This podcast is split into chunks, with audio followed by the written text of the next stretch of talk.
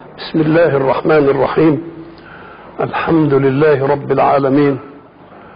والصلاة والسلام على أشرف المرسلين وخاتم النبيين ورحمة الله للعالمين سيدنا محمد وعلى آله وصحبه أجمعين. وبعد. فقد وقفنا في اللقاء السابق عند قول الله سبحانه أعوذ بالله من الشيطان الرجيم. الله لطيف بعباده يرزق من يشاء وهو القوي العزيز. وقبل أن نتعرض للفهم في هذه الآية نحب أن نستدرك على اللقاء السابق أن نسينا أن نذكر فتنة المستشرقين في بعض ما نزل في السورة. فقد قالوا إذا كان الله قد قال إن الله أوحى إلى محمد ما وصى به نوحا وإبراهيم وموسى وعيسى. فما الضرورة اذا لمجيء الرسالة الآخرة؟ ما دامت الوصية اللي جايبها الرسل هي هي المدرسة. أدي واحدة. الثانية أنهم قالوا أن في القرآن بعض التعارض لأن يقول إننا أوحينا إليك ووصينا وعملنا زيهم زي الرسل اللي سبقوك بعد ذلك في آية أخرى يقول قرآنكم لكل جعلنا منكم شرعة ومنهاجا. يبقى إذا في حاجة هنا عند محمد غير اللي وصى بها إيه؟ أما ردنا على الأولى فإن الحق سبحانه وتعالى في موكب الرسل جميعا أعطى أشياء هي ضرورية للعبودية. وهذه الشرائع كلها متفقة عليها. أول هذه الأشياء التوحيد وعدم الشرك. ثانيها الإيمان بالكتب وبالرسل. ثالثها الإيمان بالبعث.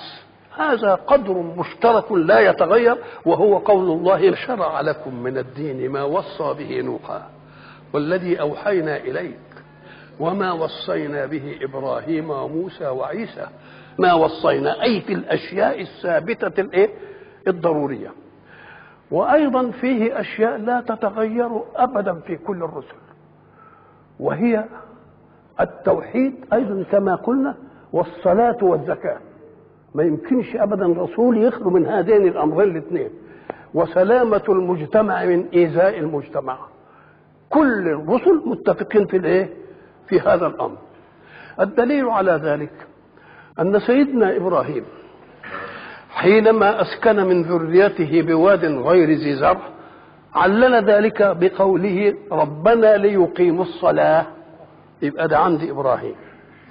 وأيضا يقول له للإيه؟ وإذ بوأنا لإبراهيم مكان البيت ألا تشرك بي شيئا. وطهر بيتي للطائفين والقائمين والركع السجود.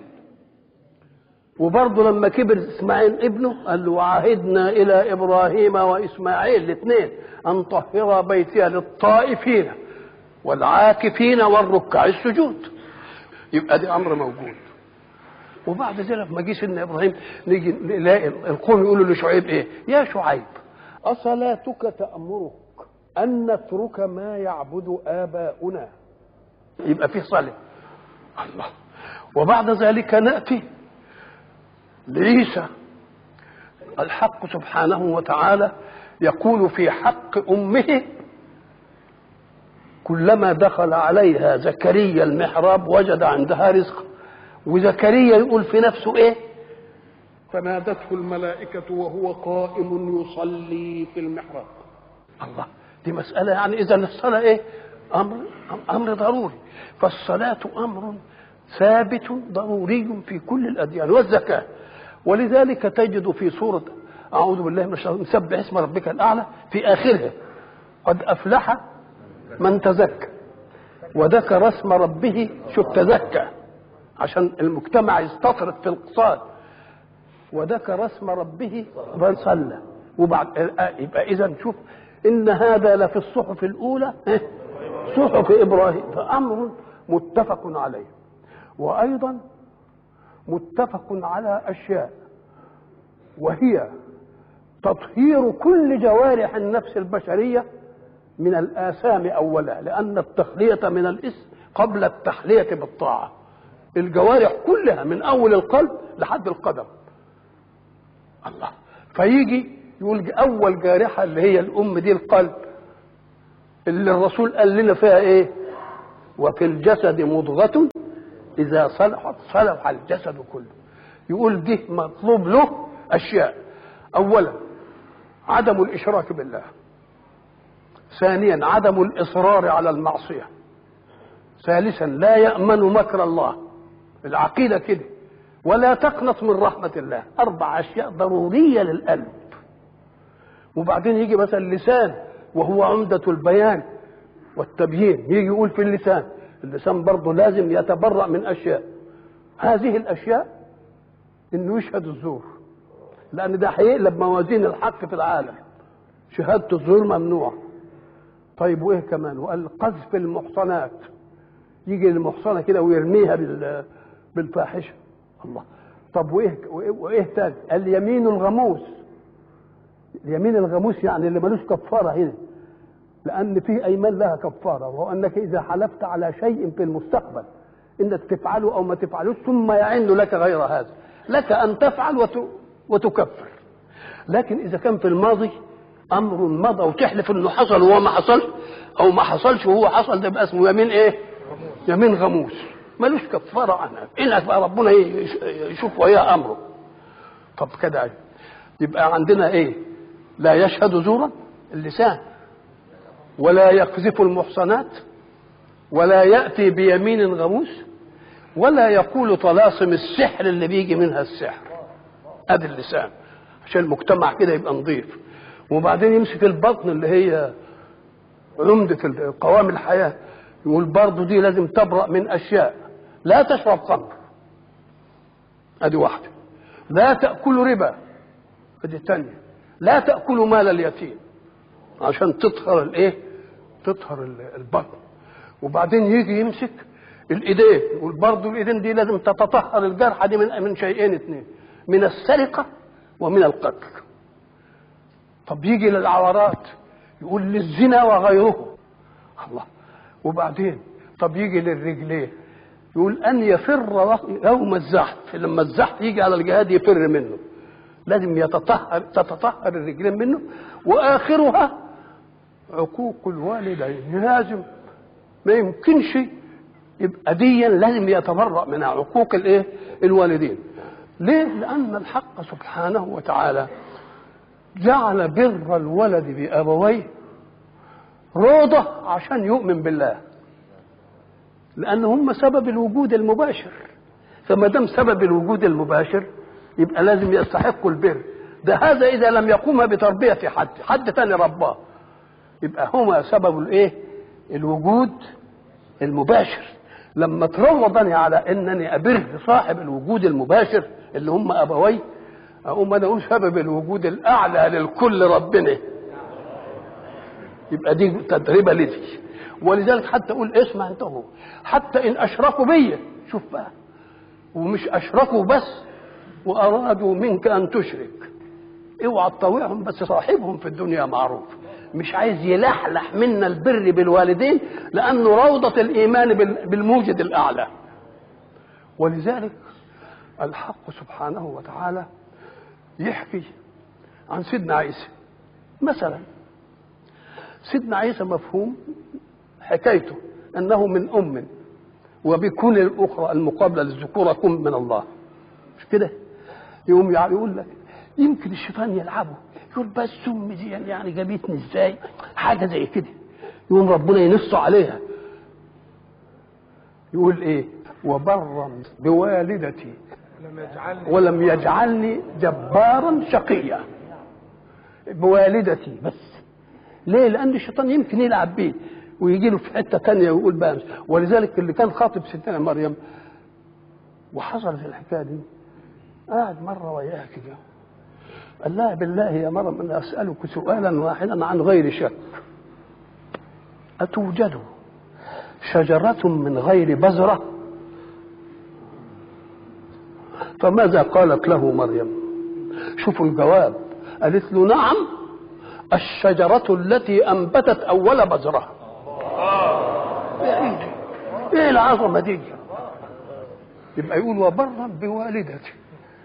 لكن سيدنا يحيى لما جه يتكلم ربنا عنه بيقول إيه؟ وبرا بوالديه بأبيه وإيه؟ وأمه. ولم يكن جبارا عصيا. ربنا اللي بيقول عليه هو دوك بيقول عن نفسه برا بوالدته. شهاده منه هو؟ مش كلام عن الغير إنما ده بيقول ربنا بيحكي عنه بقى. اشمعنى يعني هو اولا بوالدي معروف. ليه اشمعنى يعني جاب نص على دي بر هنا. قال لك لأن السببية في والديه مفقودة. أبوه بلغ من الكبر. عتي وامه عاقر إزاي يجي ده فيمكن قال لا إزاي يجي ده يقوم الشيطان برضه إيه؟ يقعد يلعب. يقوم يقول وبرا بوالدي. عشان ما يجيش. اذا فالحق سبحانه وتعالى يريد منا إن المجتمع يبقى نظيف من هذه الأشياء في كل جارحة. قلبا ولسانا وبطنا ويدين وعورتين ورجلين وبرا بالوالد دي في الكل البر بالوالد في كل هذه الايه في كل هذه ده أمر متفق عليه في جميع الايه في جميع الشرائع. يبقى ده اللي وصى به إيه؟ ما وصى به إبراهيم نوحا وإبراهيم وموسى وعيسى اللي جه محمد. يبقى كله جايين على أمال لكل جعلنا منكم إيه؟ شرعة ومن قال لك الأمور الاجتماعية اللي بتتغير بتغير الظروف. هي دي اللي, اللي فيها كلام. اللي يجي فيها الحكم المناسب لأن الشرع لما يجي يشوف الآفات اللي موجودة ويحارب. فالآفات اللي موجودة دي هي اللي بت إيه؟ هي اللي بتغير. واحد يقول الطفيف الكيل والميزان واحد الأصنام. كل واحد له يبقى إذا قول المستشرقين هبط. ليه؟ نقول له إن اللي متفق عليه الأصول والعقائد. وأما المختلف فيه اللي أنت بتقولها لكل جعلنا منكم شرعة ومنهاجا فهذه هي الإيه؟ هي الأحكام. يبقى انتهينا من ده خلاص؟ وبعدين برضه المستشرقين ما هو المستشرقين بيقعدوا يقروا ويدعبسوا ويعملوا كلام. بدهم يجيبوا شبهة بس كده. يقول حينما قال الله سبحانه ومن كل شيء خلقنا زوجين. وبعدين يحكي لنا إن عيسى جه من أم وحواء جت من أب. ولا في زوجية هنا ولا في زوجية هنا. الله. شوف الدعبسة قد إيه؟ نقول له أنت كلامك كلامكم يمكن يجوز على مين؟ إحنا قلنا الحق سبحانه وتعالى له طلاقة قدرة. مش معنى إنه يجيب كل شيء من زوجين إن القدرة بتاعته ما تقدرش على غير كده؟ قال لا قدرتي مطلقة بس الجمهرة بجيبها من زوجين. إنما أنا أخلق من لا زوجين كما خلقت آدم. ما فيش زوجين ولا أي حاجة طلاقة قدرة. وأخلق من غير آه حواء جت من إيه من ذكر دون أنثى. ادي واحد. عيسى جه من أم دون دون أب. الكل جاء من أب وإيه وأم. ومش معنى الأب والأم إن لازم يوجد السبب أبدا. لله ملك السماوات والأرض يخلق ما يشاء. يهب لمن يشاء إناثا ويهب لمن يشاء الذكور. أو يزوجهم ذكرانا وإناثا ويجعل من يشاء عقيما. يبقى موجود فينا ما هو عايز يبقى عقيم. الله.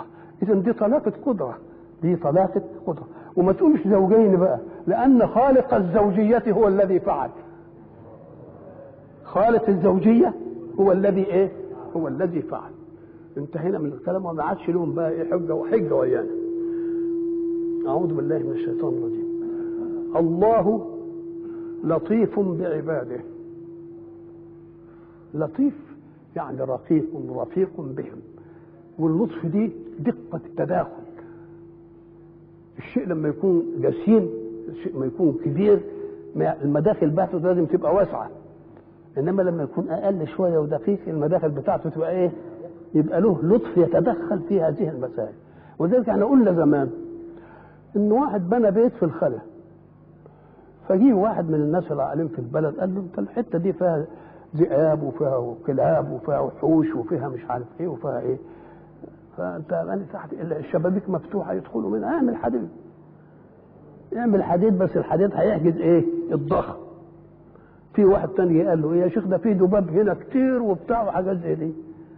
قال له نعمل سلك الله. في واحد قال ده ناموس. يضيق قال لا يبقى اذا كل الشيء ما لطف يعنف كل الشيء ما بقى لطيف يبقى عنيف. فالحق لطيف يعني إيه؟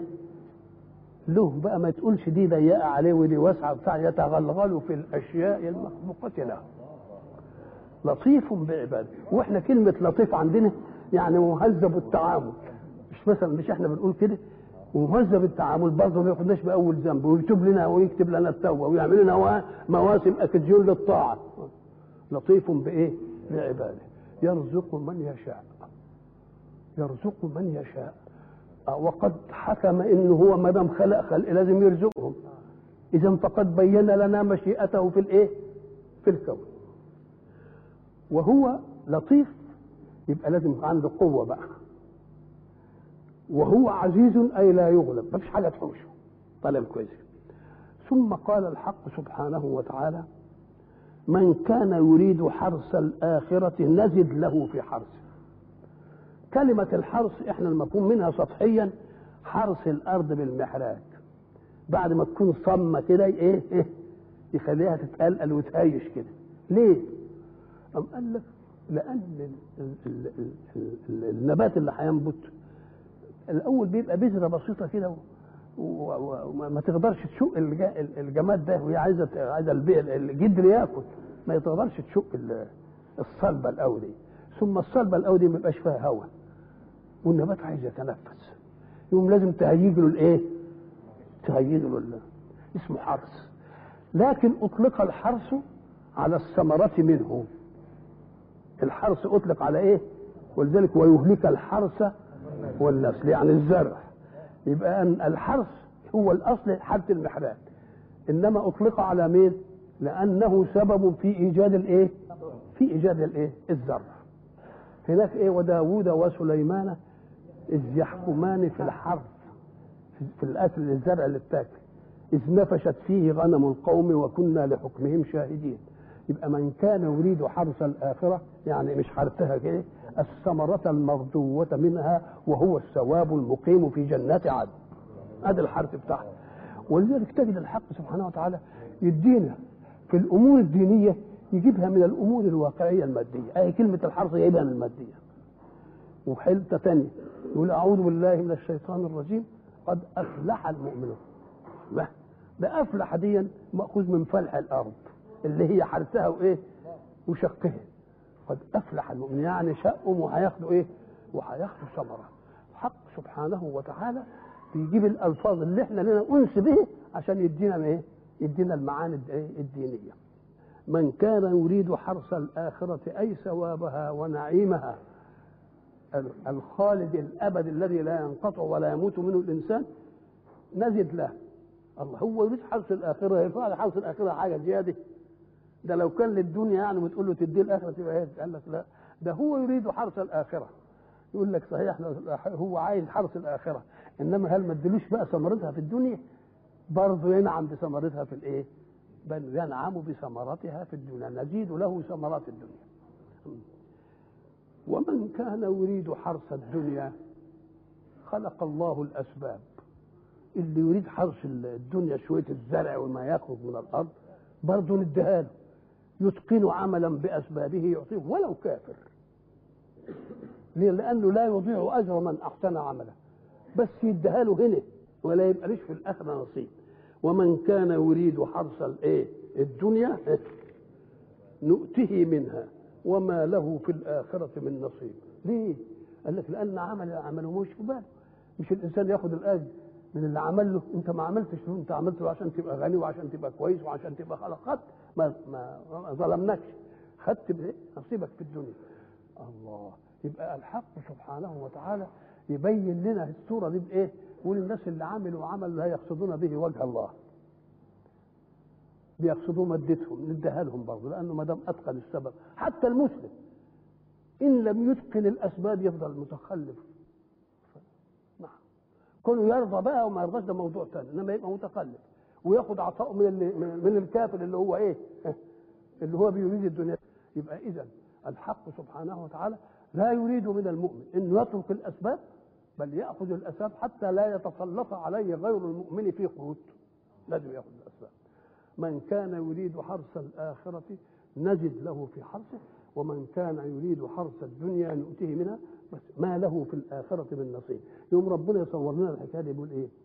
والذين كفروا أعمالهم كسراب بقيعة يحسبه الظمآن ماء حتى إذا جاءه لم يجده شيئا ووجد الله عنده شاف ربنا كأنه بيقول أنت عملت ليه ما عملتش ليه أم لهم شركاء؟ شرعوا لهم من الدين ما لم يأذن به الله. معظم محمد ليه؟ ولا بيقبلوش منهجه ليه؟